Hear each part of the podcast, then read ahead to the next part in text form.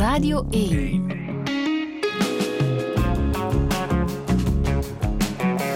Douche. Met Friede Lesage. En met Bram van Hekken, goedemorgen. Goedemorgen. Hoe gaat het? Goed, goed. Een klein beetje moe, maar uh, voor de rest is het zondag. Dus Ben je het jaar goed begonnen? ja, eigenlijk wel. Eigenlijk wel. Het, is, het was een uh, rustige start, maar dat was, dat was wel goed. Uh, dus, ja, Wat is voor jou een begonnen. rustige start? Ehm, ah ja, goede vraag. Ik heb, eh, ik heb deze week nog, nog, nog niet zo heel veel gedaan. Ik heb eh, vooral tijd genomen voor familie en, eh, en vrienden en mijn vriendin. En daar is er soms te weinig tijd voor. Dus dat was wel goed. Want je bent voorzitter van de Groene Kring. Dat is de vertegenwoordiger van de jonge landbouwers. Jonge landbouwers, dat is de leeftijdscategorie. Ja, bij ons 16 tot 35, dan sturen wij iedereen buiten. Officieel volgens de Europese Unie tot 40, maar bij ons dus tot 35 zijt je jonge landbouwer. Ah, en met hoeveel zijn jullie dan?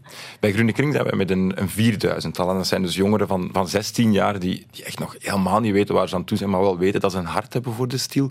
Tot 30-jarigen die echt al een bedrijf overgenomen hebben, die, ja, die daar al volop actief zijn, vaak ook getrouwd en kinderen enzovoort. Dus dat is een hele wijde range, maar dat zijn voor ons wel allemaal jonge boeren. Ja, en jij vertegenwoordigt die als voorzitter van eh, de Groene Kring. Is dat een fulltime job? Ja, dat is fulltime. Ik ben daar meer dan 40 uur per week eh, mee bezig. Het is Eh, nodig.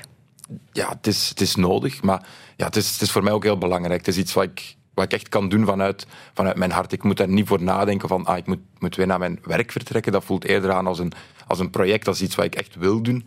Ehm, ja, als iets vanuit mijn hart. Echt. Maar het is inderdaad nodig. Je bent zelf ook zoon van een boer, hè? Ja, ik ben, eh, ik ben zoon van een, eh, van een landbouwer. Mijn jongste broer die, eh, die is ook al actief op het, op het bedrijf. We hebben thuis melkvee en varkens in, eh, in Oudenburg, aan de, de Vlaamse kust. En wil dat zeggen dat het nu rustig is? We zijn putje winter, eh, het is zondag.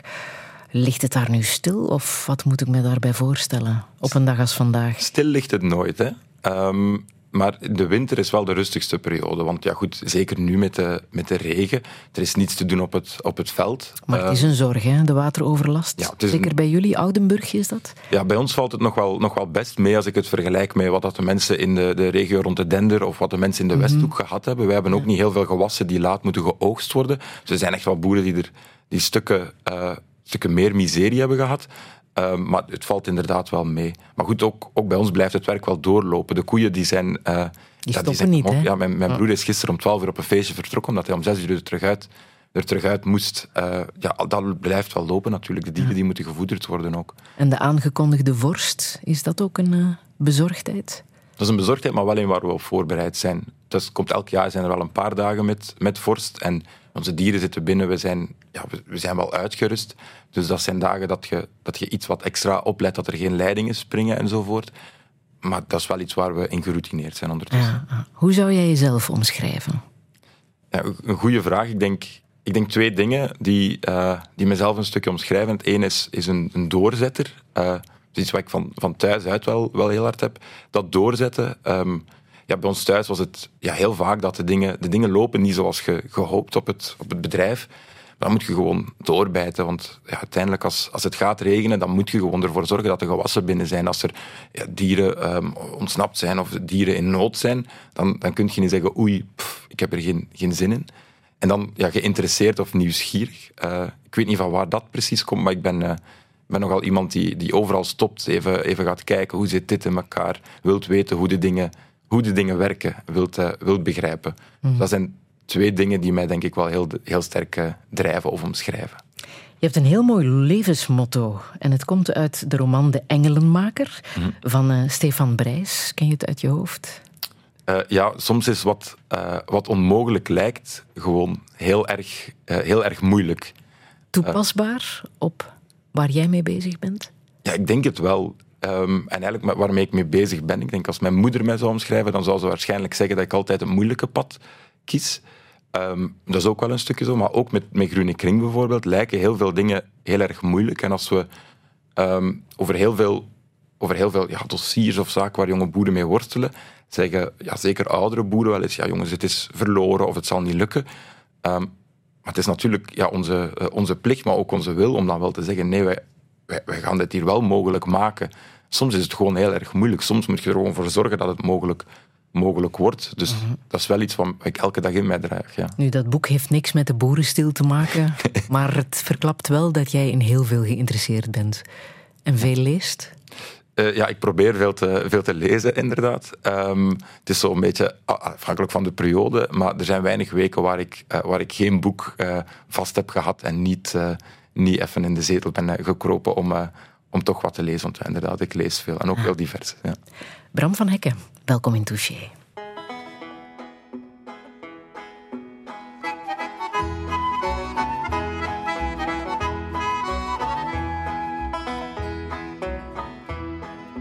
plantte een keer patatten, patatten, patatten. Ik plantte een keer patatten in mijn grond. Wat komt er uit gekropen, gekropen, gekropen? Wat komt er uit gekropen uit mijn grond? 1, 2, 3 landmeters, landmeters, landmeters. 1, 2, 3 landmeters uit mijn grond. En ze slaan er overal stakjes, stakjes, stakjes. Ze slaan er overal stakjes in mijn grond. En wat groeit er aan die stakjes, die stakjes, die stakjes? Wat groeit er aan die stakjes in mijn grond? Kranen en bulldozers, bulldozers, bulldozers. Kranen en bulldozers in mijn grond. Een heel nacht moskappen, moskappen, moskappen. Een heel nacht moskappen van mijn grond. Een heel nacht mohieten, mohieten, mohieten. Een heel nacht mohieten op mijn grond. Ah, wat is dat zo doorhieten, doorhieten, doorhieten. Wat is dat zo doorhieten op mijn Het is beton en asfalt, asfalt, asfalt. Het is beton en asfalt op mijn grond. Bovenop mijn patatten, patatten, patatten. Bovenop mijn patatten in mijn grond. En behuf haar te stinken, te stinken, te stinken. Behuf haar te stinken op mijn grond. En dat duurde zo wat maanden, wat maanden, wat maanden. Dat duurde zo wat maanden op mijn grond. Maar komt de koning, de koning, de koning. Toen komt de koning op mijn grond. Toen komt ook de minister, de minister, de minister. Toen komt ook de minister op mijn grond. En begon nog meer te stinken, te stinken, te stinken. Begon nog meer te stinken op mijn grond. En toen komt ook heel het leger, heel het leger, heel het leger. Toen passeerde heel het leger langs mijn grond. En ondertussen toeristen, toeristen, toeristen. En ondertussen toeristen langs mijn grond. En wat vragen die toeristen, die toeristen, die toeristen? Wat vragen die toeristen langs mijn grond? Zij verkop je hem patatten, patatten, patatten, verkop je hem patatten van jonge rond. Ik plantte een keer patatten. Profetisch nummer van Willem Vermanderen uit 1981. Hij had het toen over het asfalteren van eh, de landbouwwegen. Het zou misschien wel eens mee de oorzaak kunnen zijn van de wateroverlast waar we nu mee kampen. Bram van Hekken, wat hoor jij in, in deze tekst? Um, ja, ik hoor wel heel veel dingen die, die ook nu wel een beetje um, actueel zijn. Hè, want het gaat inderdaad over uh, een landbouwer die ja, die zijn ding doet, wat heel belangrijk is. En ondertussen ook wel alles dat van, van buitenaf komt. En dat zie je eigenlijk ook wel vandaag. Bijvoorbeeld, eh, als ik het hoor over het asfalteren, dan, dan hoor ik ja, de, de, het toenemende innemen van die landbouwgrond, die wel super essentieel is. Als je, als je patatten wilt planten, heb je die grond nodig. Maar dat is net hetzelfde voor als je, als je koeien wilt op de wei laten, heb je die grond nodig. Um, dat soort dingen hoor ik daar eh, super hard. En ook het, het, iedereen die, uh, die langskomt, komt handjes schudden en terug vertrekt. Dat is ook iets wat wij bij Groene Kring heel vaak zien. We zeggen heel vaak, oh, we horen zoveel mooie woorden. Moesten dit nu allemaal daden worden, dan kunnen we op ons lauren rusten. Um, dus, dus ja, dat zijn wel dingen die blijkbaar in 81 ook al heel uh, actueel waren. Ja, jij bent bezig met de toekomst van de landbouw, maar om die uh, te kunnen organiseren moet je natuurlijk ook de geschiedenis uh, kennen. Hè? Ja. Op dit moment is er op VRT Max Voor Boer en Tuinder. Dat is een programma dat jarenlang heeft gelopen, van 1959 tot 1988. Telkens op zondagnamiddag, wat al veelzeggend is, hè, dat al die jaren er heel veel interesse was ook, mm -hmm. voor boer en tuinder. Er zijn nu dertig van die afleveringen gedigitaliseerd die we terug kunnen zien op VRT Max. Bijzonder erfgoeddocument is dat met uh, presentator Arthur Tollenaren, die trouwens net voor de kerstvakantie is, uh, is gestorven op 92-jarige leeftijd. Heb jij er al naar gekeken, naar uh, dat programma? Ja, ik heb, een, ik heb een paar afleveringen gezien. Ik moet eerlijk zijn, ik heb ze niet allemaal bekeken, maar ik heb wel een paar afleveringen bekeken. Ja, ja, en wat valt jou op? Ja, ik denk iets dat, dat heel dat heel interessant is om te zien, is ja, natuurlijk dat er heel veel veranderd is, maar ook dat een aantal problematieken wel gelijk zijn gebleven. Uh, de, heel veel boeren zeiden toen ook al, er is geen toekomst in de stiel in de jaren 50, in de jaren 60, 70 en 80. Dat is iets wat, wat nu ook heel vaak naar, naar voren komt. Um, en terwijl dat er toen helemaal anders uitzag. Maar je zag ook net heel veel boeren, en dat is net gelijk gebleven ook, die inzitten met de volgende generatie. En dat is iets dat super typisch is voor de landbouw, dat je niet denkt in uh, volgende maand en volgend jaar ook natuurlijk, maar dat je vooral ook denkt in een volgende generatie. Landbouw is een heel, heel trage stiel. Je moet bezig zijn met je grond, met je, met je dieren, met je gewassen, niet voor morgen, maar voor veel verder vooruit. Je moet echt op die termijn denken. Um, en, en, dat die zorg er dan is van, ja, wat gaat die volgende generatie hier kunnen doen op die grond die al zoveel generaties of ja, door, door mijn familie wordt beboerd of waar, waar ik zo mijn passie in gelegd heb en die ik zo graag wil doorgeven aan een volgende generatie die zie ik ook wel super hard bij, bij jonge landbouwers, mm -hmm. is die hard, maar ook bij oudere landbouwers die willen stoppen, die zeggen, ja, ik zou niets liever willen dan, dan binnen twintig jaar deze boerderij nog zien bloeien op haar manier. En ik maak mij daar gigantische zorgen over. Jullie noemen dat landmobiliteit. Dat is de oplossing die jullie proberen te bieden. Hè? Tussen ja. Um, ja, eigenaars die uh, hun landbouwbedrijf willen overlaten en jonge mensen die op zoek zijn naar, naar een plek. Ja, inderdaad. De meeste overnames in de landbouw die gebeuren familiaal. Zo zal het uh, waarschijnlijk, of misschien ook bij ons zo zijn, dat mijn vader, uh, die is nu uh, ja, rond de 55, heeft nog wel wat jaren te gaan, maar mijn jongste broer zou eventueel wel, wel overnemen. Dat is, dan, dat is dan familiaal. Zo zijn de meeste overnames van landbouwbedrijven in Vlaanderen. Er zijn ook heel veel jonge mensen die, die niet in een landbouwfamilie geboren zijn en toch ja, de microben te pakken hebben. En er zijn ook heel veel landbouwbedrijven waar de kinderen niet willen verder doen. En het is, het is daar net dat wij ook zien, ja, uiteindelijk is dat overdragen aan uw zoon of uw dochter supermooi, maar is het overdragen aan iemand die de microben te pakken heeft en waar je samen uw passie kunt beleven op dat bedrijf en tegelijkertijd ook wel gewoon ja, um, voedsel produceren, is ook wel heel mooi. En dat proberen wij inderdaad door echt ja, te matchen, een beetje een soort datingprogramma voor oude en jonge boeren op te zetten, proberen we dat inderdaad ook te faciliteren en ervoor te zorgen dat dat ook lukt. Want het is vaak een zware financiële transactie. Hè? Een landbouwbedrijf kost stukken van mensen. Ja, absoluut. Het is, het is niet evident. Er zijn heel wat, heel wat drempels uh, om, om dat te doen. En dat is ook de reden waarom dat, dat vaak wel nog familiaal gebeurt. Omdat als het familiaal gebeurt, ja, je spreekt over familie. Dus dan, dan moet je niet het onderste uit de kan halen. De markt werkt natuurlijk niet zo. Um, dus, dus vandaar dat familiaal het wel nog heel goed mogelijk is. Maar een landbouwbedrijf is duur. Ook bijvoorbeeld door, en we moeten daar eerlijk in zijn, iedereen wil graag op de buiten wonen in Vlaanderen.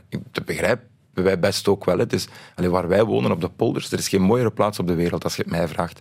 Ik begrijp dat iedereen daar wil wonen, maar natuurlijk, dat zorgt ervoor dat, dat heel veel jonge boeren moeten concurreren met mensen die ja, hun, hun inkomen verdiend hebben in de stad of waar dan ook, die zeggen, ja, moesten we hier kunnen wonen, schitterend, en die daar dan best wel wat geld voor kunnen en willen neertellen, waarin ja, een jonge gast van 25 jaar gewoon niet mee kan concurreren. Dat is wel een probleem waarbij, waarmee heel veel jonge boeren, die niet liever willen dan boeren, geconfronteerd worden gewoon met het gebrek aan. Ja, goed. Mm -hmm. ja, Gemiddeld maandloon ligt ook niet zo hoog is heel fluctuerend. Hè. Dus het, ja? het is, uh, wij spreken eigenlijk niet over een, een loon als, als boer. Hè. Het is uh, wat, er, wat er binnenkomt een stukje. Maar het is wel... Uh, de Universiteit van, van, van Gent heeft wat onderzoek daar rond gedaan en toont wel dat het stukken lager is. Als het gaat over ja, dus landbouw en tuinbouw samen, gaat het over 17% lager dan de gemiddelde Vlaming, het inkomen van de boer. En daarnaast fluctueert het. Als wij bij ons thuis kijken, dan dan zijn er, we hebben dus melkvee en, en varkens en dan de gewassen daarvoor. En er zijn jaren dat, er, ja, dat het dat inkomen duidelijk hoger is, maar er zijn ook jaren dat er netto verlies wordt gemaakt. En uh, dat scheelt natuurlijk. Mijn ouders hebben al best wel wat jaren op de teller, dus hebben ook al een buffer opgebouwd. Maar mijn jongste broer bijvoorbeeld, als die ooit zou instappen, of andere jonge boeren, als je ja, net start en je hebt leningen aangegaan en je hebt daar een jaar waar je niet enkel niets verdient, maar echt moet gaan, gaan bijleggen, dat is wel niet evident. Want ja, net zoals veel jonge mensen staat er geen potje langs de kant voor dergelijke mhm. calamiteiten. Dat is er gewoon niet. En bovendien is het dan ook nog eens keihard werken. Hè? Zeven dagen op zeven, bijna 24 uur op 24 ook, want ja. het stopt nooit. Nee, waar, waar halen al die jonge mensen toch nog de passie vandaan om dit te willen doen?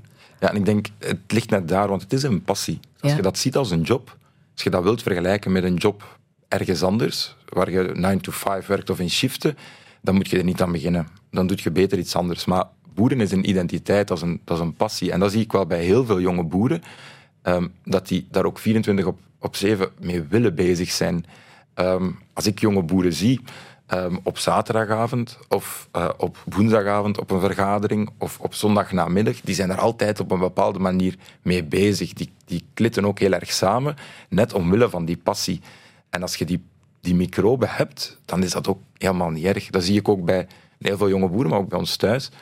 Het is geen opgave om zondagvoormiddag bezig te zijn met, met het boeren of om um, ja, daar s'avonds laat nog, nog mee bezig te zijn of om soms om drie uur s'nachts op te staan om weet ik veel welke reden. Dat is geen opgave, nee, want dat is uw passie, dat is uw identiteit, dat is wie je bent. Um, dat is wel heel mooi. Avec la mer du Nord pour dernier terrain vague et des vagues de dunes pour arrêter les vagues et de vagues rochers que les marées dépassent et qui ont à jamais le cœur à marée basse avec infiniment de brumes à venir. Avec le vent de l'Est écoutez-le tenir le plat pays qui est le mien, avec des cathédrales pour unique montagne et de noirs clochers comme mâts de cocagne, où des diables en pierre décrochent les nuages avec le fil des jours pour unique voyage et des chemins de pluie pour unique bonsoir avec le vent d'ouest, écoutez le vouloir, le plat pays qui est le mien, avec un ciel si bas qu'un canal s'est perdu, avec un ciel si bas qu'il fait l'humilité, avec un ciel si gris qu'un canal avec un ciel si gris qu'il faut lui pardonner avec le vent du nord qui vient s'écarteler avec le vent du nord. Écoutez-le craquer, le plat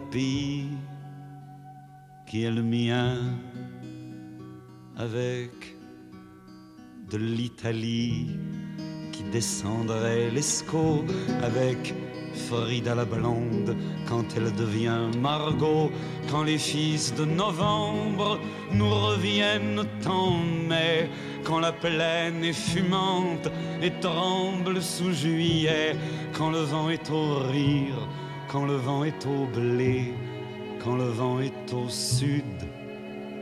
Écoutez-le chanter, le plat pays qui est le mien. Le Plat Pays van Jacques Brel. Hij uh, refereert in dit nummer naar het landschap van West-Vlaanderen, waar uh, zijn familie ook vandaan kwam. Uh, en waar jij ook vandaan komt, hè? Ja, Bram van Hekken. Zijn overgrootvader was burgemeester van Zandvoorde. Maar ja. dat wist ik helemaal niet. ik heb het even opgezocht. Ja.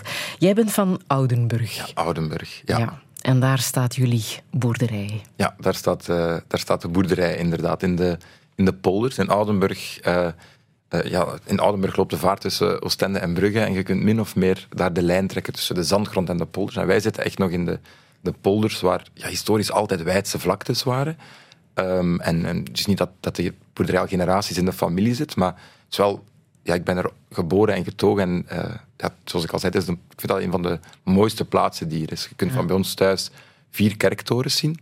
Je kunt de, de, de, de hoogbouw voor de kust zien, maar evengoed uh, ja, kunt, je, kunt je bijna uh, je kunt kilometers verkijken de andere kant uit ook. En dat is wel, dat is wel heel mooi. Zeker als dat in de, de lente, als alles begint te, te groeien, is dat echt schitterend. le plapéi, hè? Le plapéi, ja. ja. En wat weet je over de geschiedenis van jullie boerderij? Hoe lang staat die daar al? Die staat er al, al heel lang. Dus um, mijn ouders hebben de boerderij gekocht in 2001. Um, omdat ze zo graag wilden boeren. Echt op zoek geweest overal. Tot in Frankrijk, in Wallonië hadden ze bijna een boerderij gekocht. Um, echt overal gekeken. En dan uiteindelijk in de polders beland. We hebben ooit eens willen onze boerderij een, naam geven. Zoals je dat bij vele hoeven ziet. Dan overal gaan rondvragen, maar dat konden we niet vinden. Maar we zien wel dat ze al bestond op de Ferraris kaarten bijvoorbeeld. Dus ze staat er al, al heel lang. Maar hoe lang precies uh, weten we niet. Maar we mhm. weten wel bijvoorbeeld dat de laatste honderd jaar ze regelmatig van eigenaar gewisseld is. En uh, ja, wij zijn in die zin een, een, uh, zal ik zeggen, een, een, stabiele eigenaar, maar daarvoor waren soms wel eens ja, woeligere wateren op, op de boerderij. Ehm, maar dus ja, de boerderij die staat er al, uh, al heel lang. En hoe komt het dat je ouders op zoek waren naar een boerderij? Zij komen zelf niet uit een boerenfamilie? Of? Jawel, allebei, allebei wel. Um, maar mijn, ja, mijn, mijn grootvader langs moederskant die, uh, die is onteigend voor een uh, industriegebied en heeft zichzelf dan omgeschoold tot garagist. en mijn, langs mijn vaders kant, dat waren um, ja, daar waren ze met, met zes en daar, daar zit een onkel nu op de boerderij. En dan, ja, hoe lopen zo'n dingen? Mijn, mijn vader heeft dan lang is hij ja, gerant geweest, zoals dat in een winkel was, maar dan op een boerderij eigenlijk. Heeft dan een varkensbedrijf uitgebaat voor een, ja, voor een, voor een andere boer. Of voor een andere, zoals eigenlijk een firma, want er zaten verschillende boerderijen. En hij was daar wel de boer. Maar dat is toch natuurlijk niet hetzelfde als uw eigen boerderij hebben, uw eigen plaats waar, waar jij de de ondernemer de beslissingen neemt, kunt zeggen, zo wil ik dat het er over twintig jaar uitziet. En vandaar zijn ze samen op zoek gegaan. Want mijn ouders zijn Oost-Vlamingen. Ik ben dan de eerste zeven jaar opgegroeid in Zwevenzelen, uh, dus ook West-Vlaanderen. Uh, maar dan op zoek, ik herinner mij maar, dan maar vaag, maar ik weet wel dat je op een bepaald moment in, uh, in Frankrijk was. En dat was natuurlijk omdat mijn ouders daar het gesprek aan het hebben waren over eventueel over te nemen dat wij dan met de kinderen mochten buiten spelen, die we totaal niet begrepen, want ze spraken Frans. Maar um, ja, dat is, ja, en dan uiteindelijk uh, na lang zoeken beland in, in. Oudenburg. Jullie hebben vooral varkens en uh, melkkoeien, hè? Ja, inderdaad. En hoe was dat voor jou als kind om daartussen op te groeien? Ja, um, dat, dat, is, dat, is zo, dat, dat, is, dat, is, dat is misschien raar om te vertellen, maar dat is, dat is heel evident dat je, dat je daarmee opgroeit. Want ik heb eigenlijk nooit anders geweten dan in het begin tussen de varkens te zitten en dan ook tussen de koeien. Uh, ik was het nog aan het denken onderweg naar hier. Mijn eerste herinnering is, is waarschijnlijk dat ik uh, met, mijn, met mijn jongste, met mijn oudste broer liever, uh, achter de eieren ga bij de kippen. Niet dat we heel veel kippen hadden, maar wel een, wel zo, ja, een tiental kippen. En dat ik de, de haan moest afhouden met de stok en mijn, mijn broer dan de eieren mocht rapen. Maar ook bijvoorbeeld koeienmelken doe ik. zal niet weten sinds wanneer, maar ik denk sinds ik zeven, acht jaar ben met de varkens bezig zijn ook.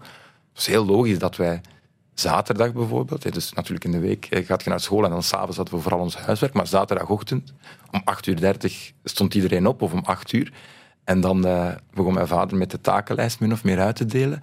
En ja, iets wat, wat heel uh, emblematisch is, is dat ik en mijn broers en zussen echt aan het ja, chakra waren met taken. Oh, nee, maar ik, doet jij dat maar, want ik, ik werk niet graag bij de varkens en, en ik moest dat vorige week al doen en doet jij dat nu maar.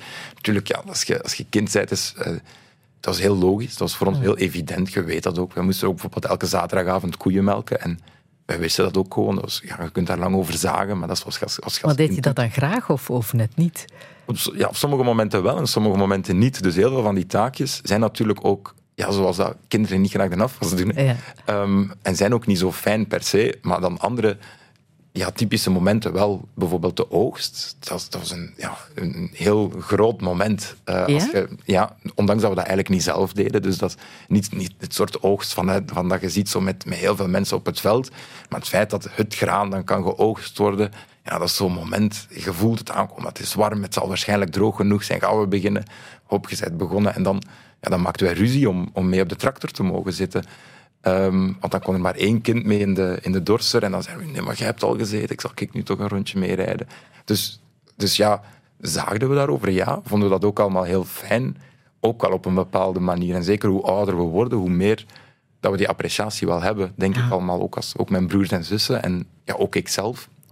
En hoe liever ik ook, merk ik zelf, op de boerderij terug, terug, terug bezig ben. En wel daar uh, tijd besteed. Want jullie zijn met vier, hè? Ja, En jouw jongste broer gaat het overnemen of werkt al mee ja, in uh, hij werkt mee op het bedrijf. En ik geef Ja. me altijd, als ik uh, zeg dat hij het gaat overnemen, zegt hij, ah, het is al beklonken blijkbaar. Ja, dat is ook zo. Wordt daarover Natuurlijk- gediscussieerd nog?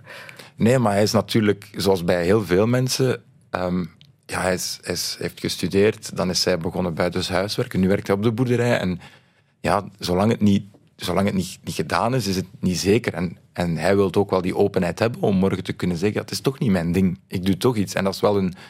Ik denk niet dat je mocht onderschatten wat de- bij veel jonge boeren, wat dat de, de last is van het... Ja, jij gaat het doen. Want dat is een... We koesteren de boerderij allemaal heel hard. Ik denk voor mijn vader dat dat echt aanvoelt als een vijfde kind. Ehm, en, en we koesteren dat allemaal heel hard. En dan, ja, dat is mijn jongste broer die dan het meest interesse toont in de boerderij en ook altijd getoond heeft. Maar goed, hij mag natuurlijk ook de keuze maken om te zeggen, ja, ik heb erover nagedacht en ik zie het nu toch niet zitten. Of ik zie wat het beleid doet en ik denk niet dat ik daar mijn weg in vind. Of met mijn vriendin wil ik toch iets anders gaan doen. En, en dat is wel ook heel belangrijk. Dus Want wij noemen het nu ook idyllisch de boerderij, maar het is een bedrijf. Hè. Dat moet gerund worden en er liggen veel ehm, documenten op tafel. Eh, het is een groot paparassenwerk ook tegenwoordig, hè, Ja. eh, waar eh, je aan regels en wetten moet voldoen. Ja. Dus het is absoluut geen evidentie, zeker niet de toekomst van de huidige landbouwbedrijven. Dat komt er ook nog eens bij kijken natuurlijk, Ja, die absoluut. onzekerheid. Absoluut, en zeker voor jonge boeren is dat wel, wel wat. En je, je ziet natuurlijk, als, ik, als je kijkt naar de generatie van onze ouders, is bijvoorbeeld administratie, regels ook gewoon. En, en steeds ook moeilijk, moeilijker haalbare regels, of, of soms zelfs Kafkaiaanse regels, enkel maar toegenomen. En ja, als je kijkt naar de toekomst, dan lijkt die trend zich wel door te zetten. En dat is wel iets wat, wat heel hard speelt, ook die onzekerheid. Dat speelt super hard. Wij liggen dicht bij natuur. Dus alles is super wijd en super, super mooi. We hebben ook net heel veel vogels die je op niet heel veel andere plaatsen in Vlaanderen ziet, dicht bij ons, omwille van ja, die natuur, maar ook omwille van de samenhang landbouwnatuur. Maar er, dat brengt ook wel onzekerheid met zich mee. Want ja, wat als op een bepaald moment wordt gezegd, ja, maar jullie zijn toch te impactvol. Want op het eind van de rit, hoe idyllisch het ook is, want dat is het wel echt, denk ik, in, ons, in onze ogen, is het op het eind van de rit een economisch bedrijf. En is het op het eind van de rit we kunnen thuis maar boeren als er een inkomen van komt. En, en, als, en als, ik denk dat veel mensen dat zich moeten voorstellen, als er een jaar geen inkomen komt, wat niet irreëel is, dan is er een jaar geen inkomen. Wij moesten wel, allez, wij gingen ook op, ook op zoals veel kinderen. Wij wilden ook gewoon, ja, eh, als we 15 waren, zeiden we ook, ah, we willen wel graag uitgaan. Allee, we moesten ook kleren hebben, et cetera. Dus, dus dat is ook wel een realiteit, waardoor ook veel jonge mensen zeggen, mijn hart ligt in de stiel, maar ja, 9 to 5, elke maand op het eind van de maand een loon krijgen, ja, dat is wel een heel, een heel fijne of veilige optie ook. En, en die, ja, die door die onzekerheid net kiezen om het niet te doen.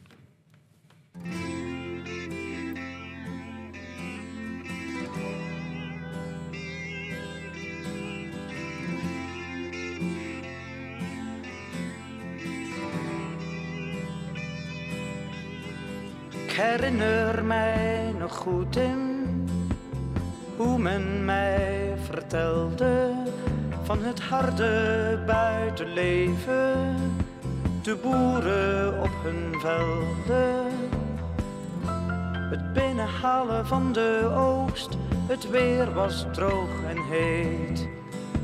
De lijven plooiden naar de hooivork en stonken naar het zweet. Het graan was rijp en binnen, de boer zijn hoogste wens. Men zei mij dat dit alles een paradijs was voor de mens.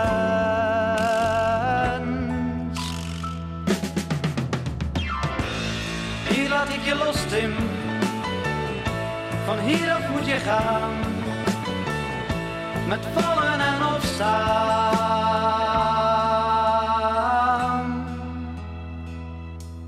van hieraf moet je gaan.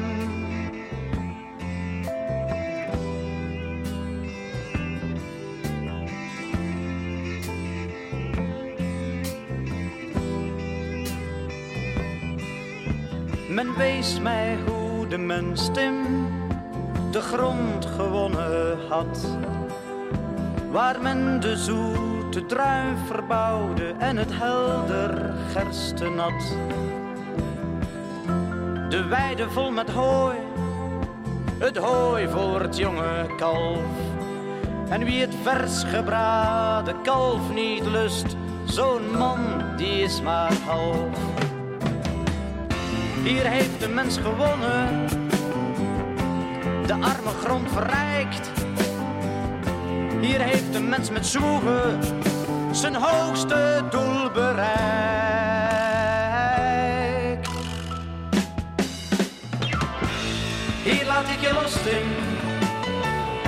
Van hieraf moet je gaan.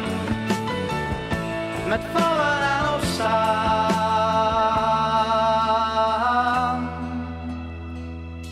Van hieraf moet je gaan.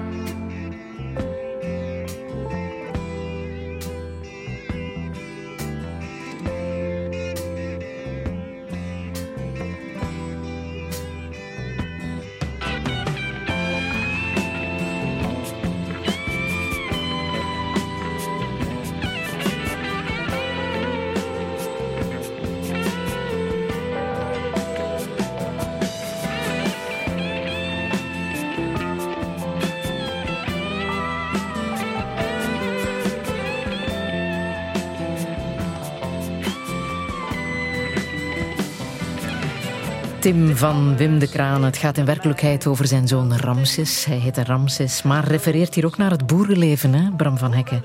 Voor jou heel herkenbaar, denk ik.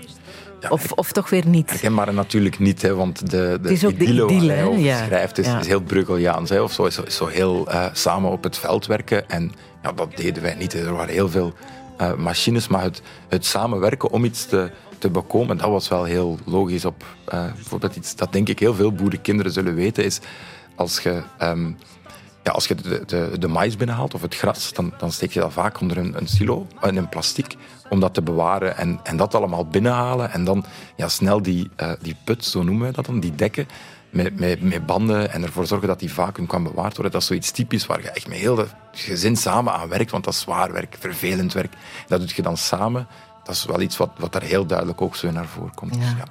En hier laat ik je los. Tim, is dat bij jullie ook het geval geweest? Want niet iedereen is in de boerenstil gestapt bij de familie van Hekken. Ehm, ja en nee. Dus we hebben altijd de ruimte gekregen om te doen wat we wilden doen. Maar de, ehm, we worden er ook wel allemaal heel sterk naar, naar teruggetrokken op een bepaalde manier. Ja, ik ben nu nog heel sterk bezig bijvoorbeeld met de stil, maar wij, ehm, bij ons is de... Ja, we spreken heel veel over de boerderij op, aan de keukentafel. En dat gebeurt wel nog altijd... ehm, ja, als, typisch dan de zondagmiddag of als we nog allemaal thuis zijn, wat toch wel bijna elk weekend nog zal gebeuren, dan, ja, dan zijn we wel nog altijd bezig over de stil of over, amai, het is toch nat, of amai, ja, het is toch droog. Of, ja, Was het voor jou een optie om eh, mee in de boerderij te stappen? Mm, Met, met golven, denk ik. In, in de zin, als ik, eh, als ik ergens 16 was, heb ik daar wel serieus over nagedacht. Eh, ben ik op een bepaald moment bio-ingenieur gaan studeren. En dan dacht ik het net helemaal niet, totdat ik eh, één buis had. Ik heb maar één buis gehad op chemie, want ik dacht ik word chemicus. Maar dan dacht ik, ja, ik ben gebuist op chemie, dus dat doe ik al niet meer. Ben ik landbouw eh, net gaan doen. En, en dan kwam dat wel iets meer terug naar boven, maar net in die golven, net, net zoals dat dan nu, nu ook is. Ik ben daar heel graag, maar als je mij vraagt, ja, gaat je over vijf jaar boer zijn, dan zal ik zeggen waarschijnlijk niet. Maar zeg nooit nooit. Je bent ook eh, over de grens gaan kijken. Hè? Je bent ook in Amerika gaan studeren Ja. en in Polen. Ja, dat klopt. Waarom precies? Wat kon je daar vinden dat je hier niet vond? Ehm, ja, ik- eh, goeie vraag. Dat zouden, mijn, eh, dat zouden mijn ouders waarschijnlijk ook vragen. Wat gaat je daar zoeken? En niet heel veel buiten de, de nieuwsgierigheid naar het hoe werkt dat daar. En dan, ik studeerde landbouw. Dus ik ben dan tijdens mijn studies eh bio-ingenieur landbouw naar Kansas gegaan, Manhattan, maar dus in Kansas, niet in New York. Eh, en daar is enkel gras. Daar is niets anders dan dat. En de mensen waren daar ook, dachten daar helemaal anders dan hier. Heel, de helft van de campus, wat toch een grote universiteit was, was daar jager of, of, of boer. En, en dat leren, dat begrijpen, was wel net super verrijkend. Dus het was niet dat ik daar iets ging gaan zoeken, maar ik heb er wel heel veel gevonden, net eh, in Polen gelijkaardig. Dat ging dan over Europese studies ja, ik ging daar vooral dus kennis over Europa zoeken. Ehm, maar ik heb daar vooral een, een, een, een wereldbeeld dat veel breder gaat gevonden. Door Ja? te praten met Oekraïners, door te praten met Armeniërs, met Algerijnen, met, met Spanjaarden, met Zweden, leert je ook begrijpen waar, waarom zij gedreven worden door bepaalde dingen en bepaalde dingen net niet, niet, niet willen. En ja, dat is net veel verrijkender. En wat heb je dan geleerd daar in Warschau? Eh, ja, een goede vraag. Ik denk wat ik daar geleerd heb, is dat de, en ook trouwens in, in de VS, is dat de perspectieven van mensen heel erg gevormd worden door wie ze zijn, van waar ze komen. En dat het vanuit het oogpunt van waar jij komt wel onbegrijpelijk kan zijn, bepaalde zaken.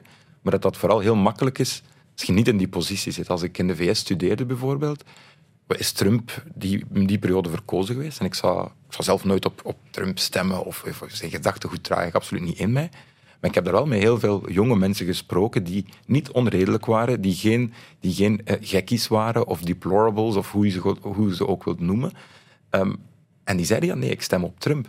En als je het gesprek met hen aanging, kon ik ook zeggen, oké, maar met, met de zaken die jij zegt, met van waar jij komt, kan ik dat ook begrijpen. Dat had ik ook in, in Polen. Het is voor ons vaak niet zo makkelijk om te begrijpen hoe, wat dat wil zeggen om een geschiedenis te hebben, bijvoorbeeld in het communisme. Zelfs voor mensen die daar nooit in geleefd hadden, maar die wel natuurlijk ja, dat, die erfenis meekregen van hun ouders.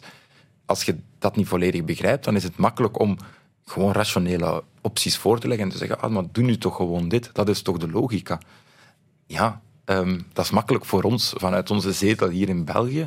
Als je met die mensen spreekt, dan zie je wel dat daar andere realiteiten zijn of andere emoties zijn, net door wie ze zijn. En eh, dat is iets wat ik wel echt geleerd heb door naar het, eh, naar het buitenland te gaan. En daar in Warschau ben jij een overtuigd Europe- Europeaan geworden, zeg je. Ja, ja dat, is, dat is zo. Dus Ik was denk ik al een overtuigd Europeaan. Ik was vooral naar Warschau getrokken omdat ik meer wilde weten over het Europese landbouwbeleid. Ehm, maar ik heb daar wel, wel geleerd hoe, ehm, hoe wij in Europa toch een stukje ehm, gelijkaardig zijn in al onze diversiteit. Van bij ons tot een, tot een Armenier, tot een, allee, terug tot een Spanjaard en tot een Fin. Ehm, en, en daar ben ik wel overtuigd geworden, met natuurlijk ook de no- nodige kritiek op de instellingen die dat dan vertegenwoordigen. Hè, want daar ben ik het ook niet altijd mee akkoord. Maar die, dat wij in Europa net echt moeten gaan samengaan, daar geloof ik inderdaad wel heel sterk in. En dat ons dat kan versterken, daar ben ik eh, hardgrondig van overtuigd. Veel geleerd ook uit eh, het boek dat je mij nog eh, tipte. Een essay van de Frans-Libanese schrijver, journalist Amin Malouf. ehm, moorddadige identiteiten in het Nederlands. Identité meurtrière. Daar zit denk ik ook veel in, hè? Ja, Als het ehm, gaat over identiteit. Ja, dat kan ik dus aan iedereen aanraden. Ik ben niet, niet echt een identitair denker of zo, maar ooit heeft een Fransman het mij cadeau gedaan voor mijn verjaardag. En wat, wat Amin Malouf eigenlijk zegt is, wij zijn allemaal een complex van verschillende identiteiten. Dus hij is zelf een Libanees-Franse schrijver die geïmmigreerd is, dus dat wordt al heel helder. Wie is Amin Malouf? Is hij Fransman? Is hij Libanees? Waar hoort hij dan wel nog? Maar ik kan dat voor mezelf ook wel zeggen. Ik ben bijvoorbeeld heel duidelijk van boerenafkomst. Ik zou mezelf plattelander noemen. Maar ik heb de laatste, denk ik, tien jaar van mijn leven ook al heel veel in steden gewoond. Net, ik heb dus in, ja, in, in verschillende landen gestudeerd. Ik ben bio-ingenieur en ik heb een, diploma over Europese zaken. En we zijn allemaal dat complex van verschillende zaken. En dat is net heel belangrijk om te beseffen. En het is pas als één van die identiteiten wordt aangevallen, dat dat uw identiteit wordt. En dat zie je ook bij heel veel, bij heel veel landbouwers, maar ook bij heel veel mensen algemeen. Als jij plots zegt, ja, kijk, uw identiteit als, als landbouwer of als persoon op het platteland, die is minder waardig, dan gaat je net daar heel sterk voorstellen. Want jij zegt, ja, maar dat stukje van wie ik ben is superbelangrijk voor mij. En dan word je bijna enkel dat. En, en dat, dat complex van begrijpen van dat mensen altijd een soort ja, cocktail zijn, een soort soepje van verschillende zaken, dat is wel superbelangrijk. En dat heeft mij wel, wel verrijkt dat te, dat te lezen, inderdaad. Je bent ondertussen vier jaar voorzitter van eh, de Groene Kring, een organisatie voor jonge boeren. Waarom wou je dit doen? Waarom trok jou dit aan? Ik ben er een beetje ingerold. Ik ben altijd uh, van mijn 16 actief geweest in KLE, de jeugdbeweging. Dan heel snel ook, ook daar in het bestuur gegaan enzovoort. En dan vanaf mijn, wat zal het zijn, twintigste denk ik ook in, in Groene Kring als, ja, wel gepassioneerd door de stil en daarmee willen bezig zijn. En um, ja, ik ben nooit echt bang geweest om, om dan ook mijn, mijn handen vuil te maken, om het zo te zeggen. Niet in de negatieve zin, maar wel gewoon het werk op te nemen. En uh, ja, op een bepaald moment vroeg men, ja, is dat niets voor u, voorzitter zijn? En dan ja goed, als je dan die impact kunt hebben, dat is iets wat mij wel heel hard drijft. Je wilt dingen veranderen, verbeteren. Als je dan die impact kunt hebben door voorzitter zijn van, van jonge boeren en, en, en hen echt op die manier kunt ondersteunen, vertegenwoordigen, daar heb ik dan niet zo heel lang over getwijfeld. Ook En lukt dat? Kan je impact hebben? Heb jij al impact gehad als Ehm, voorzitter? Ja, is denk ik maar hoe, hoe je het bekijkt. Veel mensen zeggen, ja, je hebt impact. De, de huidige crisis in de, de, de landbouwsector, die, die dragen daartoe bij op een vreemdsoortige manier. Maar wat ik vooral zie is natuurlijk, ik zit aan veel tafels, je, wel. Dat is heel vaak in, in woorden, heel vaak is dat heel, heel vage impact. Ik kan zeggen dat als ik vrijwilliger was, bijvoorbeeld bij KLE, de jeugdbeweging, dan is uw impact super concreet. Georganiseerd een grote barbecue, het dorp komt en je hebt het dorp samengebracht. Hop, afgevinkt. Nu is dat ook heel vaak heel vaag en heel traag. De, de, de ideeën die wij hebben, de zaken waar dat wij proberen te zeggen, oké, laat ons daar dat evenwicht vinden. Ja, ik vind dat invang, eh, in, ingang, ja. Wordt er meer over jonge boeren gesproken, doordat wij dat net heel hard op de tafel leggen? Ja. Gaat het voor ons snel genoeg? Hebben we het gevoel dat de zaken veranderen op het landbouwbedrijf van een jonge boer? Ik denk het niet. Dat moet ik ook zeggen tegen jonge boeren. Dan zeg ik altijd, ja, wij doen heel veel en je ziet het ons doen, maar helaas kan ik jullie niets bieden van resultaat. Op- Jullie hebben al wel een paar acties op touw gezet. Hè? Ja, Jullie zijn eens met houten kruisen naar Brussel gekomen. ja wij, met Groene Dat heeft wel het nieuws gehaald, dacht ik. Ja, inderdaad. Het was een van de acties waar ik ook het fierste ben. We hebben grotere en kleinere acties en we proberen die altijd... Positief lukt natuurlijk niet altijd, maar wel constructief en eh, ja, ludiek in de zin eh, met, een, met een knipoog te doen. Dus inderdaad, eh, we zijn bijvoorbeeld met... Op een bepaald moment voelden we heel hard dat de politieke spelletjes van de, van de gehele politiek, niet wijzend naar één persoon, maar dat die op onze kap gebeurde en dat dat ging over onze toekomst. En wij, wij werken heel democratisch en zijn we in onze structuren, ook via WhatsApp-groepen en zo, beginnen ons afvragen, ja, hoe, wat, wat willen we daarmee doen? En kwam dat idee naar voren. Ehm, en dan zijn we met een vijfhonderdtal jonge boeren echt naar het kabinet van eh, minister, minister-president Jan Jan Bon gereden. Dat was wel heel impressionant, omdat je daar enkel met jongeren stond die eigenlijk bijna unaniem zeggen ik wil het anders doen dan mijn ouders. Het interesseert me niet hoe ik moet boeren, met meer of met minder of op een andere manier, maar ik wil wel boeren. Ik wil wel net voedsel kunnen produceren waar iedereen van zegt, ah, we hebben die mensen nodig. En toch wordt er zo op hun kap die spelletjes gespeeld. Dat was wel heel pakkend. Maar ik ken ook heel veel leuke kleine acties die ik ook... We zijn ooit eens met 63 plaatsen onze, onze ploeg gaan zetten om te zeggen, zo ploegen wij niet voort. Om, om een signaal te geven. Dat zijn ook heel, heel leuke acties. Dus En als je zo de nadruk legt op eh, dat ludieke, is dat omdat de boerenbetogingen in het verleden niet zo'n goede reputatie hebben gehad of gemaakt? Ja, dat, dat speelt wel. Wij, wij vinden het imago van de, de sector superbelangrijk. En wij zijn ervan overtuigd dat we, dat we goed bezig zijn. En ook van overtuigd dat we nog beter kunnen. dat, en nog beter Maar het is er al hard aan toegegaan. Hè? Ja, maar dus wij zijn, wij zijn geen fan van het soort acties waar, waar poppen aan een touw bungelen of zo. Dat, dat willen we niet. Wij, we doen best wel soms eens harde acties, geven harde boodschappen.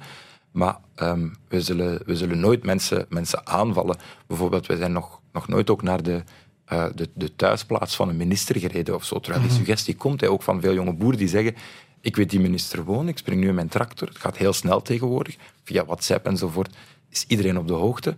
Ehm, dan zeggen wij altijd onmiddellijk, nee, doe dat niet. Natuurlijk, het is iedereen zijn individuele keuze, maar we zijn er tot op heden wel in geslaagd om dan, om dan te zeggen, ah nee, we gaan het anders doen. Weet je wat, we organiseren een eh, manifestatie op het dorpsplein van die minister om, om een signaal te geven. En de grote boerenbetoging, de laatste, was eh, begin maart Ja. eh, vorig jaar. Met enorm veel tractoren in Brussel. Indrukwekkend om te zien natuurlijk, maar ook ja, heel beladen, geladen.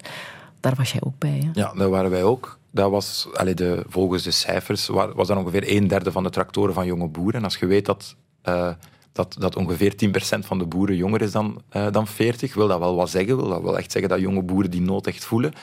Daar was ik ook bij. En, eh, als, je, als je het aan mij vraagt, was dat ook net iets, iets positiefs. Onze stijl is meer om er een, een kwinkslag aan te geven. Maar als je iets op die, die schaal doet, dan is het net belangrijk om gewoon de, de macht van het getal te tonen, of op een bepaalde manier te tonen van ja, wij zijn hier. Het feit dat alles vredevol verlopen is, buiten heel veel files, en dat zoveel mensen van zover gekomen zijn. Mijn, mijn broer en mijn zus zijn, zijn toen meegereden.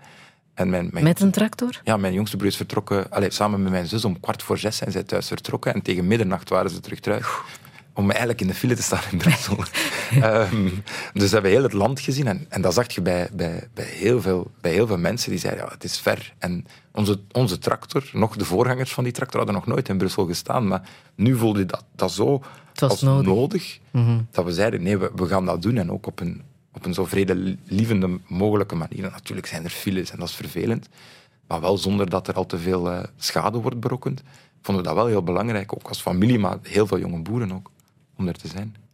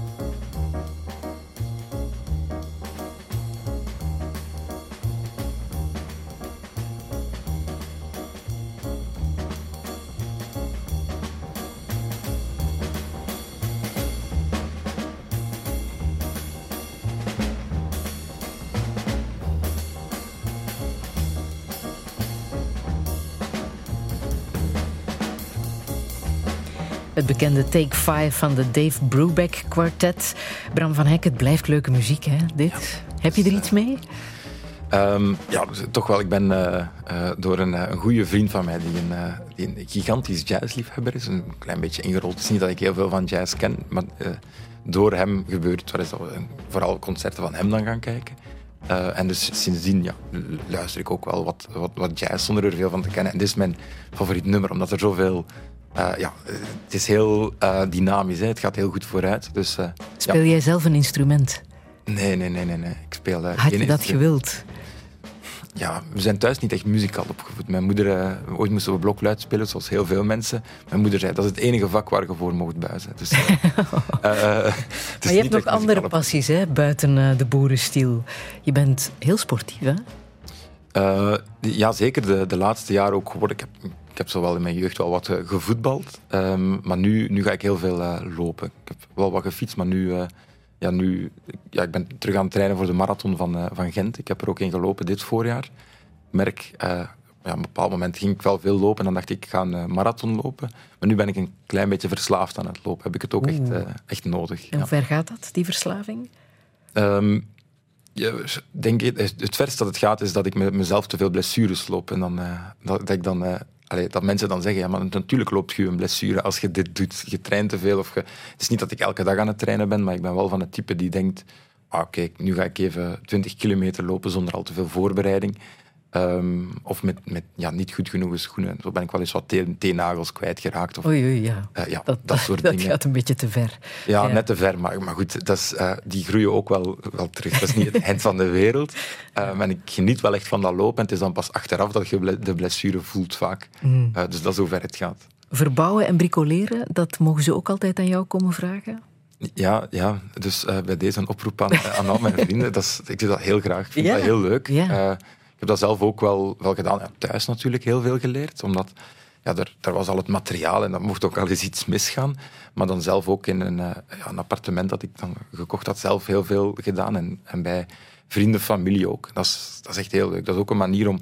Dan is alles plots weg, omdat je, je bent de hele tijd bezig met ja, iets op te bouwen of iets af te breken. En heel geconcentreerd, want dat moet dan wel Ja. opgelost of eh, gemaakt worden. Ja. En op het einde staat er iets, hè. of staat het niet meer. Maar dat is ook wel heel fijn om, om dat te zien, wat je niet hebt bij, bij de typische... Of bij, bij, mijn, bij mijn job. Ja, je ziet natuurlijk ook je, je werk, maar als je een hele dag aan een onderhandelingstafel hebt gezeten, is er vooral veel gepraat. Maar als je bijvoorbeeld... Ik ben nu nog in het kerstverlof, heb ik mijn broer helpen isoleren, dan kun je op het eind kijken en zeggen...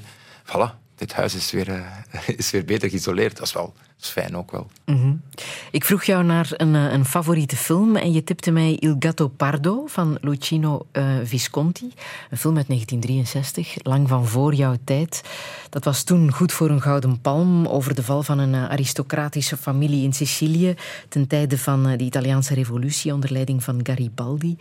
Wat heeft jou daarin zo geraakt in, in deze klassieker? Ehm, ja, een goede vraag. Wat mij, wat mij echt raakte, wat die film dus, dus heel sterk in zich heeft, is... Het gaat over een Siciliaanse familie die, die al heel veel generaties het, het heel goed doet.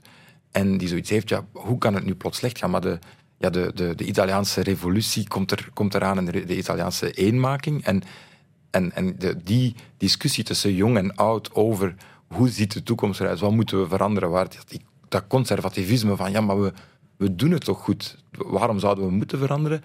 En die, die jonge generatie die zegt ja, we, we moeten veranderen net om te kunnen blijven doen wat we doen, dat heeft mij wel heel erg, erg gepakt. Die, dat is de, de bekendste quote ook er, eruit. Hè. Ehm, Opdat alles gelijk blijft, moet alles veranderen. Ja, en eh, dat typeert heel erg bijvoorbeeld ook de, de, de landbouwsector vandaag. Opdat alles gelijk kan blijven. En dan gelijk blijven gaat voor mij dat mensen een passie kunnen blijven, dat we voedsel kunnen produceren, dat, we, dat je mensen vindt die dat willen blijven doen ook. Moet alles veranderen in de zin, moeten we durven, durven veranderen, durven kijken naar andere manieren om dat te doen. En dat kunnen we ook niet alleen. Maar dat, is, dat vind ik wel een heel pakkende, die ik ook probeer over te brengen naar zowel jonge boeren, maar ook bijvoorbeeld naar de overheid. We moeten durven veranderen, maar wel met het oog op dat het net kan, kan blijven bestaan, met, het, met, met boeren in ons hart, om het zo te zeggen. En dat zijn heel veel facetten van het leven. Zo. Muziek uit die film is van eh, Nino Rota.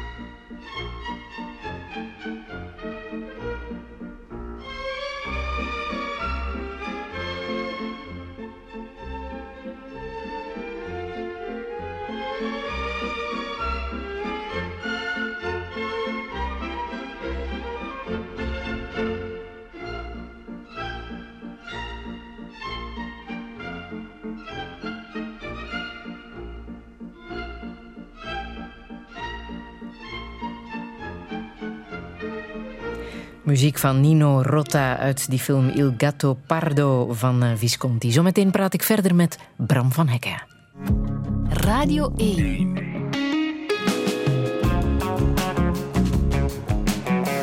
Douche. Met Friede Lesage. En met Bram van Hekken. Al vier jaar lang is hij voorzitter van de Groene Kring. Een organisatie voor jonge boeren is dat. Met kennis van het verleden, maar met de blik vooruit, probeert hij de landbouw weer met de natuur te verbinden. En dat is nodig als we zowel de landbouw als de natuur willen redden. Maar hoe moet het verder? Waar komt die strijd tussen de boer en de natuurbeschermer vandaan? Wat met het stikstofakkoord en de natuurherstelwet? En hoe belangrijk is zijn identiteit? Dit is Touché met Bram van Hekken. Een goede middag.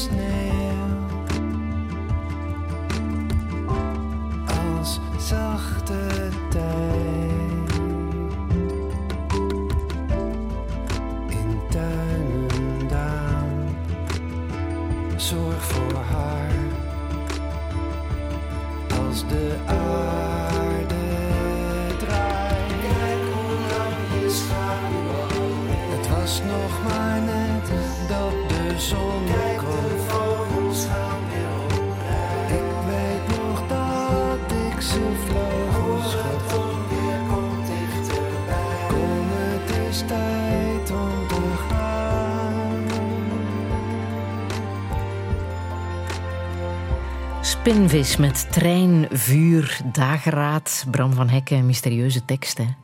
Ja, ehm, ja, heel mysterieus. Hè. De, de, de, de, zanger eh, zelf van, van Spinvis heeft ooit daar eens over gezegd in een concert waar ik aanwezig was. Ja, als ik het schreef, dacht ik dat ik wist waar het over ging, maar nu weet ik het eigenlijk niet meer echt waar het over ging. Ehm, ik zal zeggen het leven, maar het is heel, heel vaag. Maar het is wel heel mooi ook. Je bent grote fan van Erik de Jong? Ja, ik ben, eh, ja, ik ben inderdaad wel, eh, wel fan geworden een, een paar jaar terug. En nu, ja, ehm, in mijn Spotify-rap staat hij met stip op één. Eh, Ja. ja. Ehm, jij eh, bent voorzitter van de Groene Kring, organisatie voor jonge boeren, en laat je stem horen als het gaat eh, over bijvoorbeeld het stikstofakkoord. Dat is jouw meest belangrijke bezigheid geweest, denk ik, hè, de voorbije tijd. En daar is nog altijd geen akkoord. Nee, dat Het is nog, nog niet afgeklopt. nee, het is nog niet afgeklopt. Ehm, en we zijn er inderdaad al, al heel lang mee bezig, want ik denk voor veel mensen dat, dat het aanvoelt van ja, dat is nu een jaar of, of twee jaar. Voor ons is het eigenlijk sinds eh, ja, 2021, als het, allee, als het, het, het arrest is gevallen, toevallig ook op een, op een stal die, die door een jonge boer in het zuiden van Limburg die die, die wou zetten, ehm, ja, zijn we er eigenlijk mee, mee bezig geweest. En hebben we eigenlijk altijd de, de lijn aangehouden. Wij, beseffen dat er wat moet gebeuren. Wij zijn ook niet bang om te zeggen dat het anders kan en mag en misschien moet morgen. Uh, dus, dus minder stikstofuitstoot is voor ons geen probleem. Maar wat wij wel vragen, is natuurlijk om te kunnen boeren. En wat we daarvoor nodig hebben, is één zekerheid. Dus een, een beleid dat u zekerheid geeft, maar ook perspectief. Want zekerheid dat niets mag, is ook zekerheid, maar dat willen we natuurlijk niet. En perspectief wil dan vooral zeggen dat als een jonge boer vandaag instapt, dat hij aanvoelt of kan zien of, of ja, de zekerheid heeft dat hij binnen twintig jaar nog altijd wel een inkomen kan halen.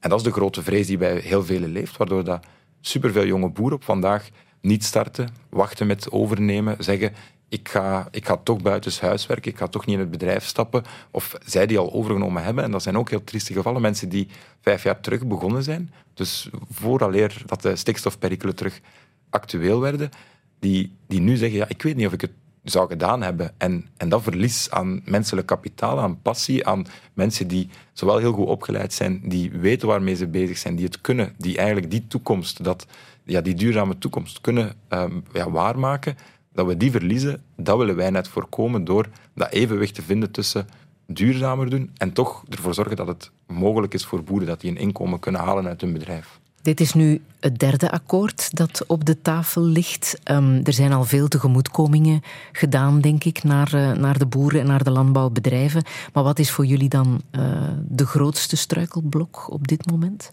Op, op dit moment is dat echt het, het perspectief. En ja, dus met perspectief. 2030. Ja, dus en, en inderdaad die, die termijn ook. Wat, wat wij willen is, we, kunnen, we moeten ver vooruit kunnen kijken en dan ook daar een inkomen mee kunnen halen. Bij ons thuis bijvoorbeeld, als ik kijk naar het, um, naar het verleden, ja, wij zijn um, de voorbije twintig jaar is de prijs grosso modo gelijk gebleven. Zowel van het, van het varkensvlees als van de melk die wij, die wij verkochten. Maar onze kosten die zijn wel blijven stijgen. Zowel naar milieukosten, maar ook algemene kosten. Zoals alles wordt alles duurder. Behalve de prijs die wij binnenkrijgen. Dat wil dus zeggen dat onze marges kleiner worden.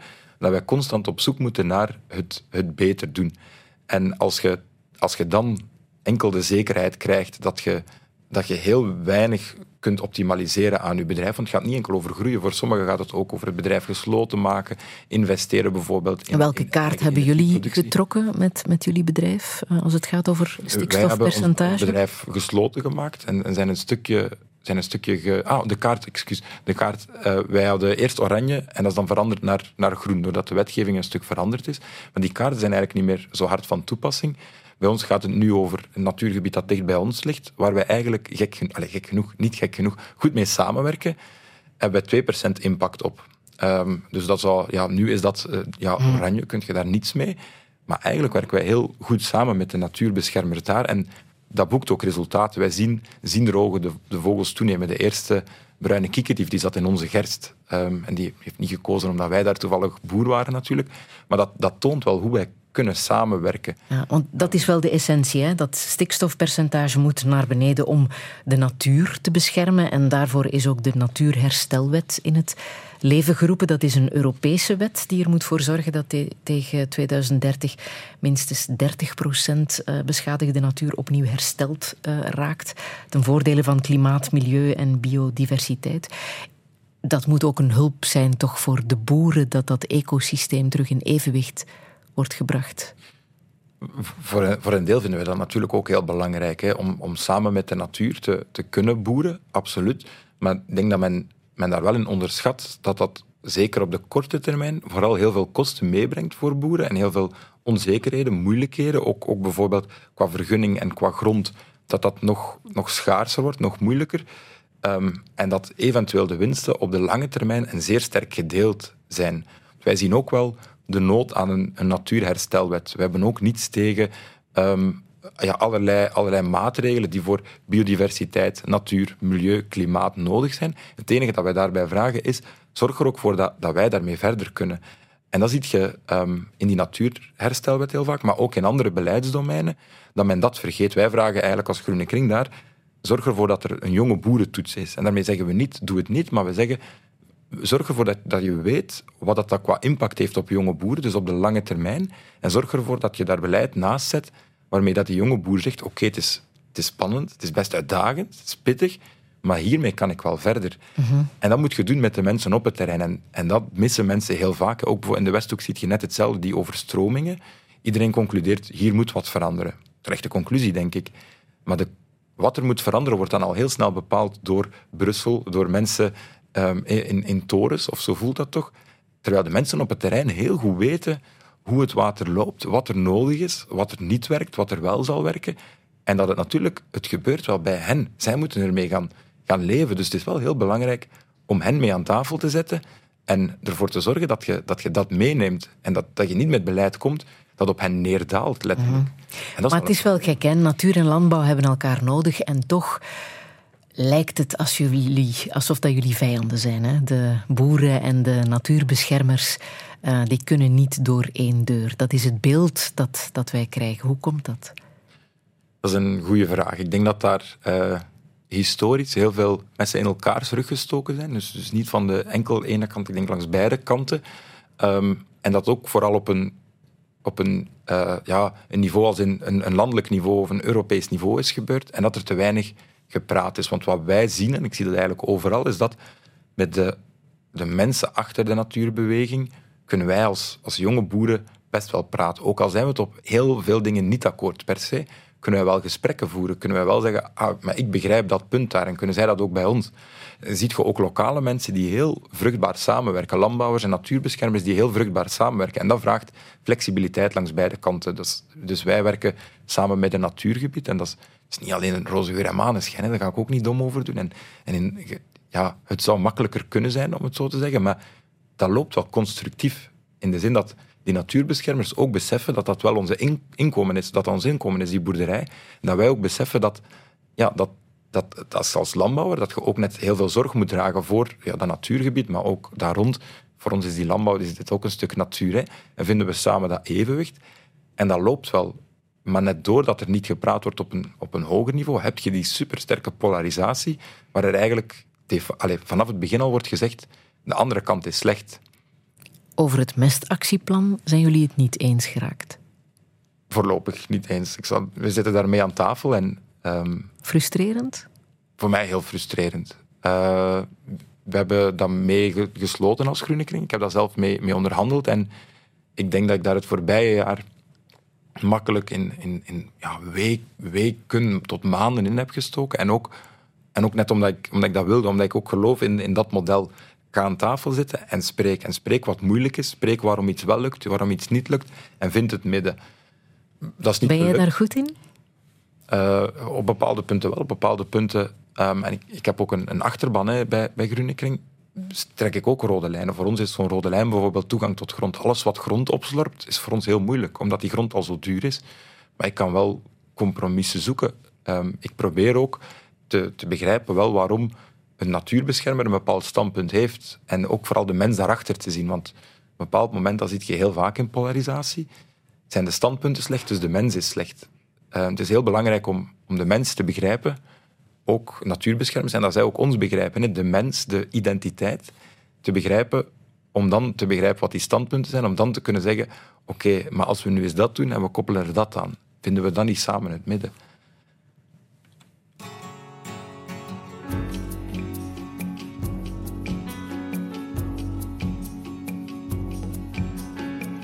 En als ik niet meer huil, als ik de nevel zie boven de stille velden. Hoe de zon zijn stralen breekt uit gaten in de lucht. Hoe vogels strepen trekken in hun vlucht. Als ik daarvan niet meer huil, wil ik dan nog wel bestaan.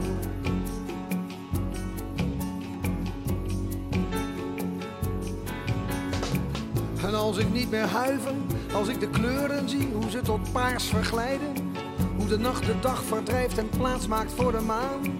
Als ik de huilenkreet tot stilte hoor vergaan. Als ik dan niet huiver,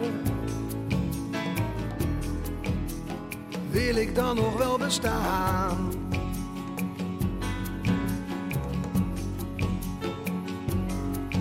De beuk erin, de beuk erin. Geef het toe, zo heeft het allemaal geen zin. De beuk erin, de beuk erin. Alles moet weg en dat is pas het begin. En als ik niet meer beef, als ik jouw lichaam zie, de snelheid van je lach. Hoe één beweging van je hoofd je gemoed verraadt. Hoe ieder ongesproken woord mij hier verloren achterlaat. Als ik daarvan niet meer beef, ach, wil ik dan nog wel bestaan?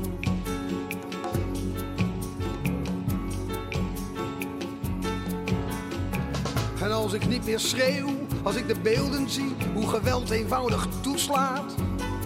Hoe de verveling van te veel in onverschilligheid overgaat. Als de domheid van de dood mij met stomheid slaat. Als ik dan niet schreeuw, wil ik dan nog wel bestaan?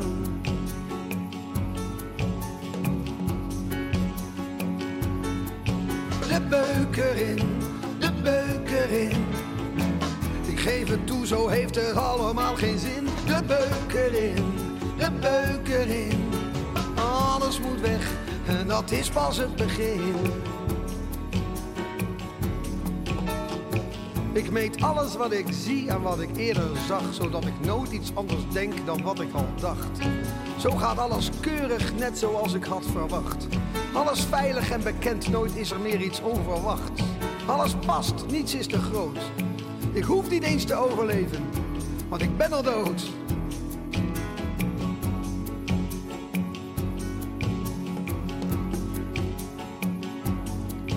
De beuk erin, de beuk erin. Ik geef het toe, zo heeft het allemaal geen zin. De beuk erin, de beuk erin. Alles moet weg en dat is pas het begin. En als ik niet meer lach, als ik de geluiden hoor van mensen die zich duiden. De angst alleen te zijn gaat met ze aan de haal. Het tumult van veilig wezen weer klinkt als apenrotskabaal. Als ik daarom niet meer lach, ach, wil ik dan nog wel bestaan?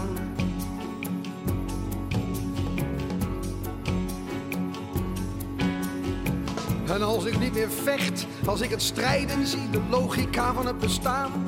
Hoe mensen in hun overleven automatisch verder gaan. Het dodelijk geweld van geld trek ik mij niet meer aan. Als ik daartegen niet meer vecht, waarom zou ik dan nog bestaan?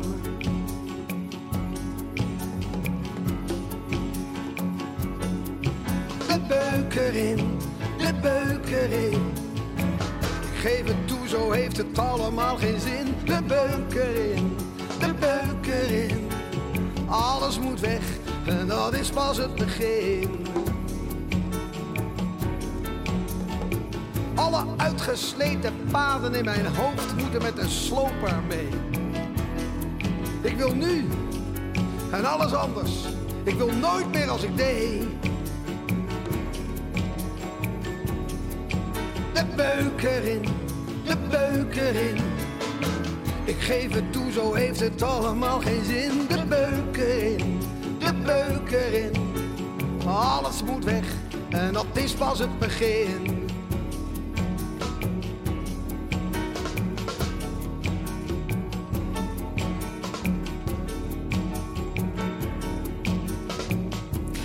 Is twintig jaar geleden dit jaar dat hij stierf aan een hartstilstand. Bram Vermeulen en de beuk erin. Bram van Hekken, het is jouw naamgenoot. Ja, het is inderdaad een, eh, inderdaad een naamgenoot. Ehm, maar hij maakt ook gewoon, gewoon heel goede heel goede muziek. Hè. Ehm, en zeker dit nummer, dat, dat, dat vind ik heel typerend. Want het zegt zo, ja, kijk, alles of niets. Je gaat ervoor. En als je je niet meer voelt, als het niet meer je, je, je doorklieft, dan, dan doe je het beter niet. En dat, dat vind ik wel echt heel mooi. Ja, zegt dat ook iets over, over jou? Hoe jij in het leven staat? Ja, ik denk eens een stuk wel. Ik, eh, ik, ik wil er wel echt vol in staan in de zin dat ik het, eh, dat ik het wil voelen, wil, ja, dat ik wil merken dat ik leef, om het zo te zeggen. Ik denk dat dan ook niet erg vind dat dat, met, dat, dat best pittig kan zijn. En dat je best... allee, crashen liefst niet natuurlijk, maar dat ja, dat, dat met buitenbochten is. En, Je bent daar heel erg mee bezig, hè? over wie jij wil zijn, hoe jij in het leven wil staan. Ehm, Ja, dat, ja mis- misschien wel. Ehm, dat is omdat ik, ik wel eh, denk... Ik zou niet graag willen terugkijken, dat is misschien mijn grootste vrees, willen terugkijken en denken...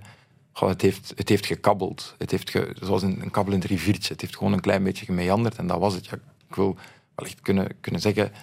Ja, eh, het heeft stevig doorgestroomd. Het was... eh, Allee, ja, het, het, het, was, het was pittig. En ja, er waren eens, eens, eens buitenbochten, maar van alles gezien. We hebben, ja, dat wil ik wel echt kunnen zeggen. En vandaar dat ik er ook wel zo wil, kunnen instaan in het leven. Net om er zo op te kunnen terugkijken.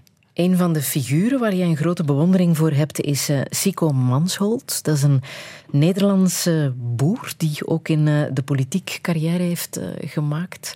Ehm, wat moeten we over hem weten? Waarom, waarom inspireert hij jou zo? Ja, Sico Mansholt is, ehm, komt uit een familie van, van typische rijke polderboeren in het eh, noorden van, van, van Nederland. En is verzetsman geweest in de Tweede Wereldoorlog. En net na de Tweede Wereldoorlog eh, gevraagd door de koningin om minister van Landbouw te worden in Nederland. En, en de manier waarop hij dat deed vanuit een eh, heel sterk gedachtegoed, zoals een socialist van een heel sterk gedachtegoed, die je dan ook naar Europa gebracht heeft, was zowel eurocommissaris als voorzitter van de Europese Commissie, ehm, heeft er eigenlijk voor gezorgd dat, dat hij de basis van het landbouwbeleid na de Tweede Wereldoorlog heeft geschreven. Ik heb zijn biografie gelezen, wel wat boeken over hem gelezen. En de manier waarop hij dat doet is heel gepassioneerd en vanuit een, een gigantisch hart voor ehm, enerzijds de mensen, we moeten genoeg voedsel voorzien, en anderzijds voor de boeren. We moeten een goede levensstandaard voorzien voor boeren. Dus ik spreek net na de Tweede Wereldoorlog. Ehm, ja, dat is de manier waarop hij dat doet. Dus, dus heel sterk vanuit een theorie, maar toch echt in de praktijk en met de mensen op het terrein als, als beeld voor ogen, is wel bijzonder sterk. Anderzijds heeft hij bijvoorbeeld ook. eh, op een bepaald moment werd hij door, door heel veel boeren als boerenmoordenaar omschreven. De grote betoging in 1971, de grootste landbouwbetoging ooit, die heeft hij uitgelokt, min of meer. Ehm, maar dat typeert hem ook, want hij zou zeggen: Ja, maar kijk, ik doe dit met dit plan en dat is het idee. En ja, goed, je moet het daar niet mee eens zijn. Ik wil daarover praten, ik wil, hier, eh, ik wil het hier komen uitleggen, maar dit gaan we wel doen. En als we daar nu op terugkijken, heeft hij, eh, heeft hij in die zin ook wel, wel heel veel lijnen uitgezet. Met de fouten daarin natuurlijk ook en met de goede zaken die daaruit komen. Maar dat vind ik wel een, een enorm ja, eh, straffiguur in die zin. Ja. Een andere Nederlander, Geert Mak, Ja. dat is een schrijver, eh, journalist. Heb je zelfs eens gebeld? Dat kon nog. Sico Mansholt kon je niet meer bellen. nee, nee, nee, nee. Maar. Geert Mak, daarvan dacht je, ik ga die man gewoon eens bellen. Ja, als ik in Polen studeer, heb ik zijn, zijn bekendste boek in Europa gelezen. Mhm. Echt een, een klepper is, maar het is ideaal als je in Polen zit, want dan, dan lees je over eh, bijvoorbeeld eh, ja, Duitsland tijdens de Tweede Wereldoorlog en praat je er over de lunch over met een Duitser enzovoort. Ehm, en dan ben ik eigenlijk al zijn boeken beginnen lezen. En hij heeft ook wel wat, allee, één boek geschreven over ja, het, het, het platteland, hoe God verdween uit, uit Jorbert, uit een klein dorp, hoe dat veranderde door in de tijd. Zijn eigen geboortedorp, hè? Ja, het, Is eh, het is niet zijn geboortedorp. Het is een, eh, een dorp waar dat hij naar, eh, naar verhuisd is op een bepaald moment. Maar waar hij dus wel heel veel mee, mee heeft. Waar hij echt de mensen kent en, en, en begrijpt. Ehm, en ik vond dat zo inspirerend dat ik op een bepaald moment dacht: ja, ik, ik wil weten wat die man drijft. En heb ik hem een mailtje gestuurd. En heeft daarop geantwoord. Dus we hebben even geteamst. Ehm, en ja, dat, dat was ja, heel fijn. Heel, eh, ehm, Waarover ging dat gesprek dan, ja? over, over zijn visie op het leven. Ik heb hem niet te veel proberen fangirlen. ehm, op zijn visie op het, op het leven, over hoe hij keek naar landbouw, hoe hij keek naar het platteland. En dan vooral hoe hij vanuit het verleden, dat hij natuurlijk sterk omschreef, keek naar de toekomst. En wat hij daarin ziet en, eh, en vreest en hoopt. Ehm, en ja, in die zin was het heel fijn. Ik- hij belde mij ook vanuit zijn, eh, zijn, zijn werkkamer, denk ik, in Jorbert. Ehm, dat is natuurlijk heel leuk om dan te tonen. Kijk, dit is het café waar ik altijd waar ik over geschreven heb en zo. Ehm, ja, dus, dus voilà. En dat was ja, heel verrijkend. Jullie hebben het ook eh, gehad over hoe eh, we God kunnen terugbrengen naar de mensen. Wat, wat wou hij daar dan mee zeggen?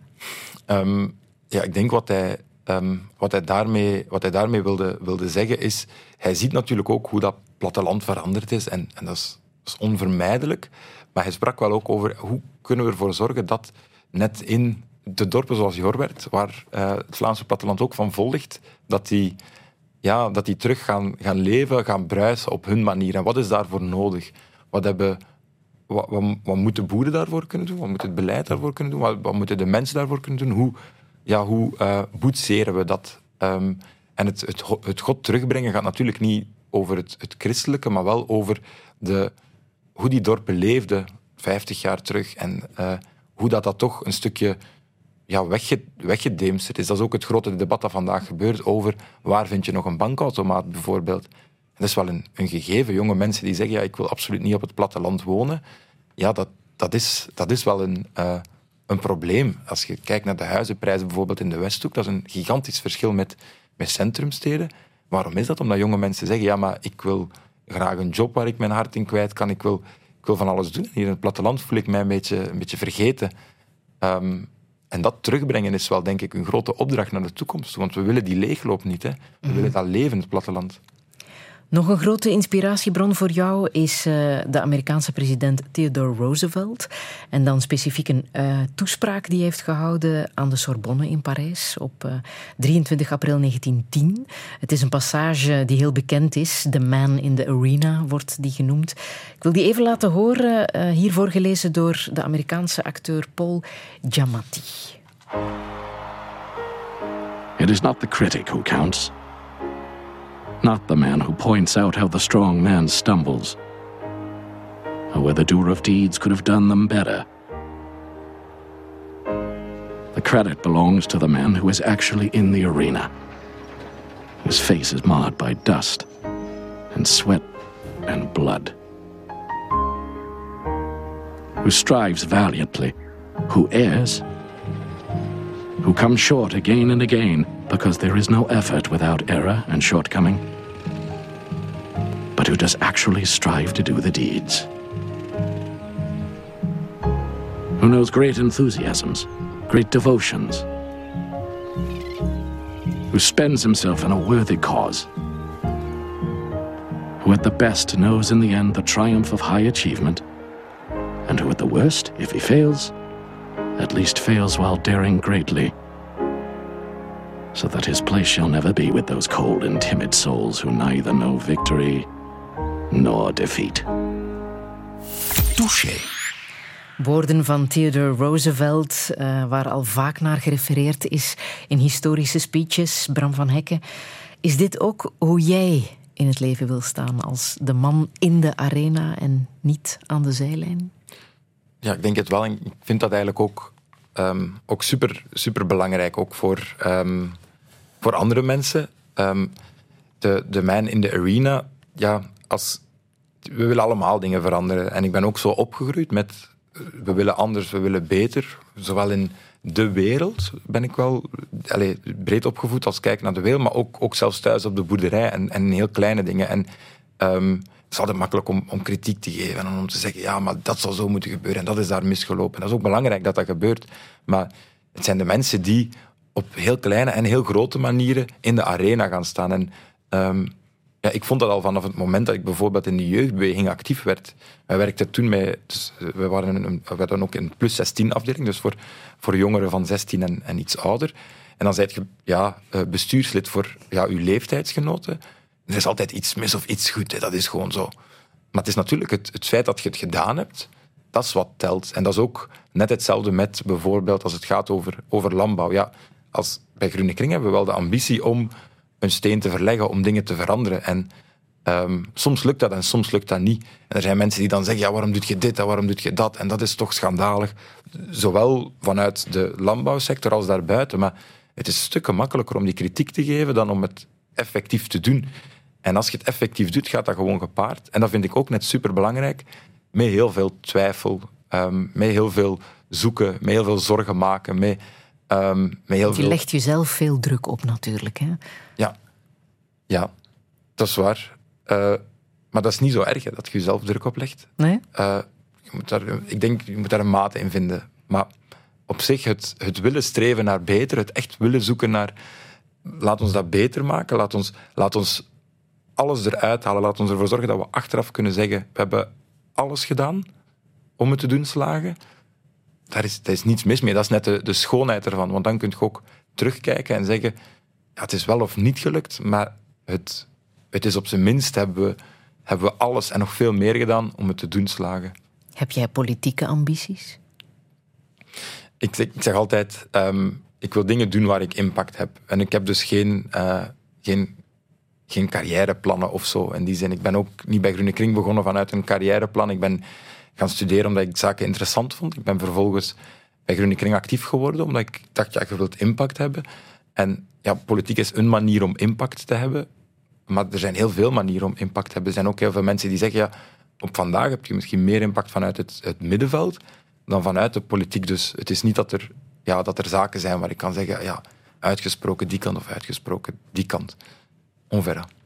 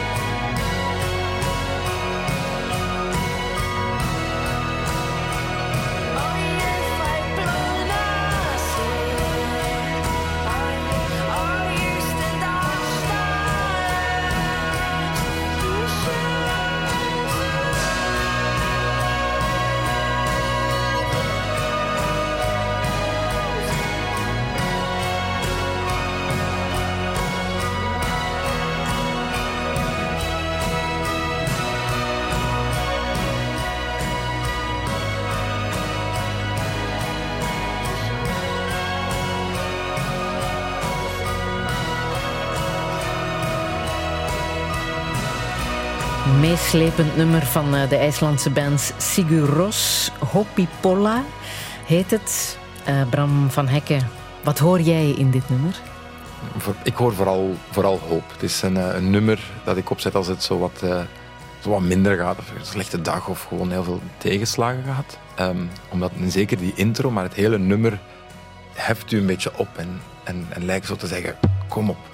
Kom op, we gaan dit, we gaan dit, we gaan dit doen. Um, dus, ja, Ooit in IJsland geweest? Nee. Weinig landbouw daar. Ja, ja, ik denk het wel. Het is een ehm, harde natuur, hè? Ja, absoluut. Het is wel een heel mooi land, laat ik mij vertellen. Maar ik ben er nooit, nooit geweest. Uh, het staat op de bucketlist, maar niet helemaal bovenaan zelfs. Uh, het, is, uh, het is niet iets wat ik volgend jaar ga bezoeken, waarschijnlijk. Maar je hebt wel last van donkere dagen, hoor ik. Zoals iedereen, denk ik. Hè. Ehm, Deze dagen, bijvoorbeeld. ja, het zijn niet zo'n fijne dagen, hè. Eh, deze, deze dagen. Maar bij mij is het vooral het weer, kan ik mij wel best overzetten. Maar de ehm, dingen die, die tegenslaan, zoals het overal gebeurt, ja, dat is, dat is niet fijn. Hè, als, het, eh, als je heel veel moeite in iets steekt. Hè, zoals ik net zei, je werkt super hard voor iets en je legt er alles in. En het lukt niet.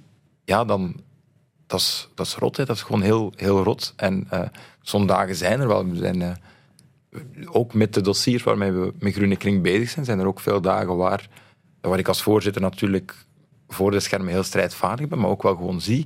Het is best wel, eh, best wel hard om heel veel jonge boeren op die dagen aan de lijn te hebben. En eigenlijk te zien zeggen, ik zie het niet meer zitten. En nooit Ja, meer zoveel woorden, maar dat is ook een realiteit. Hoe zit het met de mentale gezondheid van jonge boeren? Ehm, ja, ehm, over het algemeen, eh, de, de meeste mensen zijn, zijn positief. Hè. Dat is ook denk ik wat, wat, wat, wat jeugd een stuk uitstraalt. Maar de mentale gezondheidsonderzoek toont dat ook aan. In de landbouwsector is het niet goed. En ook bij, bij jonge mensen zien we dat. Ehm, net omdat landbouw is een identiteit, dat is geen job. Dat is niet iets van, adieu, ik kan mijn job niet doen of ik kan mijn droomjob niet doen. Nee, dat is wie je zijt. En en, en dat gevoel van aangevallen te worden in wie je bent, is wel heel belangrijk. En, onderzoek toont ook aan dat, dat, ehm, ja, dat landbouw een van de sectoren is waar het mentaal welzijn het slechtst is. Want natuurlijk samen, gaan, samen met, dat, ehm, met dat kunnen zijn wie je bent, gaat heel hard werken gepaard, waar ook geen stop op staat. Als jij ehm, varkensboer of zelfs akkerbouwer, jij kunt niet gewoon zeggen, ik ga er niet, niet zijn. Je moet daar zijn. En dan daarnaast is het ook een job die vaak best eenzaam is. Ehm, je kunt je goed, goed verbergen ehm, en je, je moet niet praten. En dan zit het nog eens niet in de, de natuur hè, van, van boeren. Boeren zijn typisch mensen die, eh, die denken, typische West-Vlaamse gedachte, ik zit met een probleem, ik ga harder werken en het oplossen. Wat natuurlijk een tijdje kan werken, maar zeker niet tot op het, ja, altijd kan werken. En dat is ook wel iets wat wij bij Groene Kring heel hard zien. En ook het belang van dan samen te komen met jonge mensen. En hoe proberen jullie elkaar dan te steunen en te helpen? Ik denk het, het allerbelangrijkste wat, we, wat wij doen is in eerste instantie, de meeste mensen zullen ons kennen als een belangenvereniging, maar in eerste instantie zijn wij een jeugdbeweging. En jonge mensen komen samen om van alles te doen. Nu zal dat waarschijnlijk allerlei nieuwjaarsrecepties zijn, maar in de, als de zomer begint zullen heel veel groene kringgewesten lokaal dan barbecues organiseren. eh, gewoon samen naar een bedrijf gaan kijken, samen een, eh, een, ja, een pint pakken of, of wat dan ook. Wat superbelangrijk is, want dan kun je samen met mensen die heel goed begrijpen waar het over gaat. Die zorgen ook, ook uitspreken en het daar ook over hebben. Even weg zijn van alles. Maar toch bij mensen zijn die ook wel weten waar het over gaat. En het is natuurlijk superbelangrijk dat je als landbouwer, en dat is vaak ook vandaag zo, dat je bezig bent met eh, een bepaalde sport of andere hobby's. Maar het feit dat je onder boeren elkaar heel goed kunt begrijpen en dan als jonge boeren die zorgen kunt uitwisselen, ook die mooie momenten kunt uitwisselen, dat is denk ik het sterkste wat wij doen voor het mentaal welzijn. Met wie wissel jij jouw zorgen uit? Wie is is een- jouw eerste toehoorder? Dat zal mijn vriendin zijn waarschijnlijk. Zij hoort de meeste, de meeste klachten, de meeste, de meeste moeilijke eh, momenten, de, de, de goede Mhm. momenten ook. Zij is, eh, denk ik, mijn, eh, mijn voornaamste toehoorder. En ik heb eh, het geluk, het is een eh, geduldig en flexibel iemand en ook, en ook zorgzaam. In die zin zijn we soms een beetje tegenpolen. Ik ben niet geduldig en niet zorgzaam. Ehm, maar dat is, wel, dat is wel gezond. Zij, zij is dikwijls het, het baken van rust waar ik kan thuiskomen. Ik heb natuurlijk ook wel gewoon veel, veel vrienden en ook, en ook familie waar ik bij terecht kan. Wellicht. Heeft zij affiniteit met het boerenleven? Nee, absoluut niet. Ehm, is eigenlijk heel leuk. Zij is opgegroeid eh, dicht bij het station van Mechelen. En ehm, de tegenstelling is heel grappig, want ze- de eerste keer dat ze op een bedrijf kwam, een landbouwbedrijf, was bij ons thuis. En zij zijn opgegroeid met zes thuis. En eh, het is onbegrijpelijk voor mijn papa dat je met een gezin met zes kinderen zou opgroeien in een huis met een klein koertje. Die kinderen hebben toch geen ruimte om te spelen, zonder natuurlijk mijn ouders en, en haar ouders hebben elkaar ontmoet. Alle, iedereen is terechtgekomen, om het zo te zeggen, maar wij zijn opgegroeid in zo'n ruimte. En voor mijn vader was dat onbegrijpelijk dat, dat je op zo'n, kleine ruimte, dicht bij een station dan, dicht bij Mechelen kon, of ja, in Mechelen, kon, kon opgroeien. Maar dus die tegenstelling is heel interessant. Maar ondertussen maakt ze even goed koeien bij ons thuis. Is waar? Dat ook de, de klappen van de zweep, ja. Ja. Ehm, dus eh, ze is eh, aangepast, om het zo te zeggen. En welke toekomst hebben jullie zo in gedachten samen? is onduidelijk. Ehm, zij is leerkracht. Ehm, en ja, het is, het is een beetje waar het, waar het ons brengt. Heel vaak denken we wel, ah, eh, dat is dan gedreven door mij waarschijnlijk ook, terug naar West-Vlaanderen. Nu, nu ben ik over heel het land heel veel. En woon ik ook centraler in het land. Maar ja, terug naar, terug naar West-Vlaanderen. Maar het is niet dat we een duidelijk toekomstpad hebben. Maar we vinden het wel heel leuk om ja, de dingen te doen die we samen doen en, en over landbouw bezig zijn, maar ook over net al die heel andere thema's en die tegenstellingen die ons een beetje samenbrengen, ehm, ja, die samen te, te zien en te vinden. Ah. Is er veel, uh, wordt er veel gelachen bij jullie thuis? Ja, best wel. We hebben denk ik onze, onze eigen manier van humor. Ik weet niet of iedereen dat grappig vindt, maar ik vind mijn vriendin wel... De, mijn vriendin heeft, uh, veel humor. Ze is intelligent en grappig, absoluut. Ik vraag het maar omdat ik uh, dit uh, toch bijzondere nummer van Bess Luhrmann wil laten horen. Everybody's free to wear sunscreen. Ladies and gentlemen of the class of 99, wear sunscreen. If I could offer you only one tip for the future... sunscreen would be it. The long term benefits of sunscreen have been proved by scientists, whereas the rest of my advice has no basis more reliable than my own meandering experience. I will dispense this advice now. Enjoy the power and beauty of your youth. Oh, never mind. You will not understand the power and beauty of your youth until they've faded. But trust me, in 20 years, you'll look back at photos of yourself and recall in a way you can't grasp now how much possibility lay before you and how fabulous you really looked. You are not as fat as you imagine. Don't worry about the future, or worry, but know that worrying is as effective as trying to solve an algebra equation by chewing bubblegum. The real troubles in your life are apt to be things that never crossed your worried mind, the kind that blindsides you at 4 p.m. on some idle Tuesday. Do one thing every day that scares you. Sing. Don't be reckless with other people's hearts. Don't put up with people who are reckless with yours. Floss. Don't waste your time on jealousy. Sometimes you're ahead, sometimes you're behind. The race is long, and in the end, it's only with yourself. Remember compliments you receive. Forget the insults. If you succeed in doing this, tell me how. Keep your old love letters. Throw away your old bank statements. Stretch. Don't feel guilty if you don't know what you want to do with your life. The most interesting people I know didn't know at 22 what they wanted to do with their lives. Some of the most interesting 40 year olds I know still don't. Get plenty of calcium. Be kind to your knees. You'll miss them when they're gone. Maybe you'll marry, maybe you won't. Maybe you'll have children, maybe you won't. Maybe you'll divorce at 40, Maybe you'll dance the funky chicken on your 75th wedding anniversary. Whatever you do, don't congratulate yourself too much, or berate yourself either. Your choices are half chance. So are everybody else's. Enjoy your body. Use it every way you can. Don't be afraid of it or what other people think of it. It's the greatest instrument you'll ever own. Dance. Even if you have nowhere to do it but in your own living room. Read the directions, even if you don't follow them. Do not read beauty magazines, they will only make you feel ugly.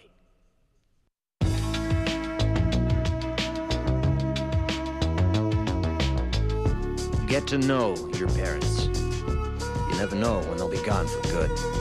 Be nice to your siblings. They're your best link to your past and the people most likely to stick with you in the future.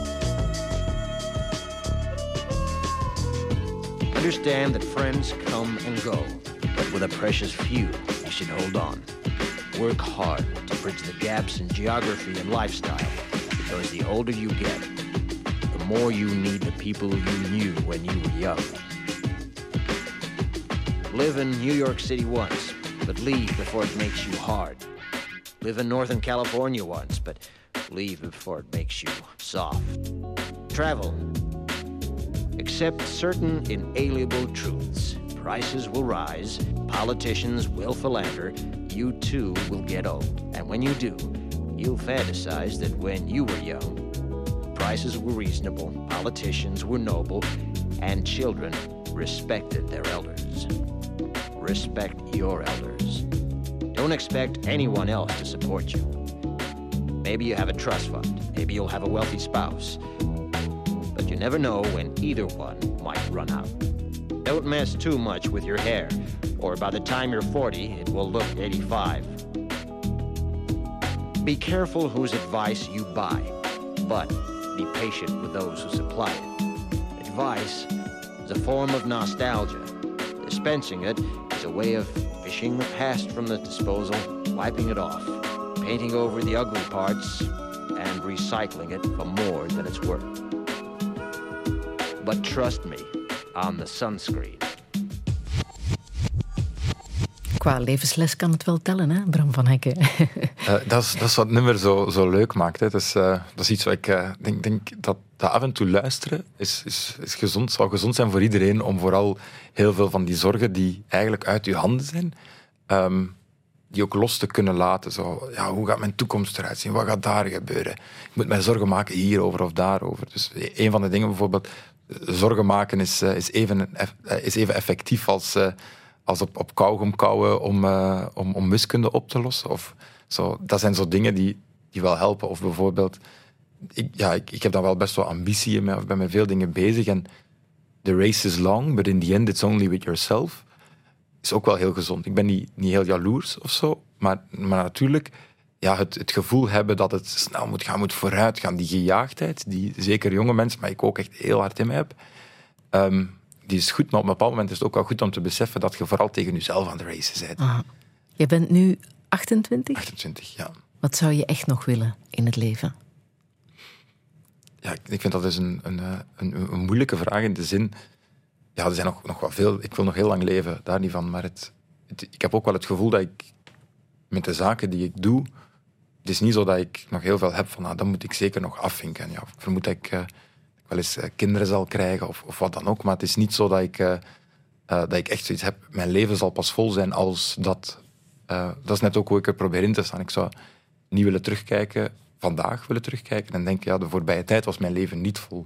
Mijn leven was nu ook vol. Ik zou nog vooral heel veel jaren dat er willen bijdoen, zonder dat ik daar een, een pad of een richting aan geef.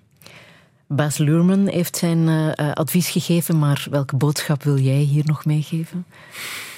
Ja, ik. Um, ja, dus nog, heel veel boodschappen. Um, ja, ik denk, ja, ik denk de, de voornaamste boodschap die, die, die, die ik wel denk ik een, een belangrijke vind, ik weet niet welke ik op voorhand had voor, doorgegeven, maar die ik wel een belangrijke vind, is ja, blijf, blijf, blijf praten, blijf elkaar, blijf elkaar vinden, blijf zo bouwen aan dingen en blijf het zo beter maken. Want dat doen we al echt samen en we kunnen we kunnen echt superveel samen als mensen, als groep, eh, of, of ja, als gezin, kleine groep, wat dan ook. Um, maar dat, dat samen bouwen en elk zijn steentje daaraan bijdragen is, is echt belangrijk. En dat zie ik ook super hard bij Groene Kring. Er zijn natuurlijk mensen die heel veel doen voor Groene Kring. Er zijn ook mensen die gewoon heel kleine steentjes bijdragen. Maar het huis staat maar omdat al die stenen er staan. En dat is misschien wel iets wat ik, uh, als ik iets mag meegeven, wat ik zou meegeven. En bewaak je vrijheid? Als we Nina Simone uh, in het hart sluiten? Ja, dat is uh, iets. bewaak je vrijheid, absoluut. I wish I knew how to be free.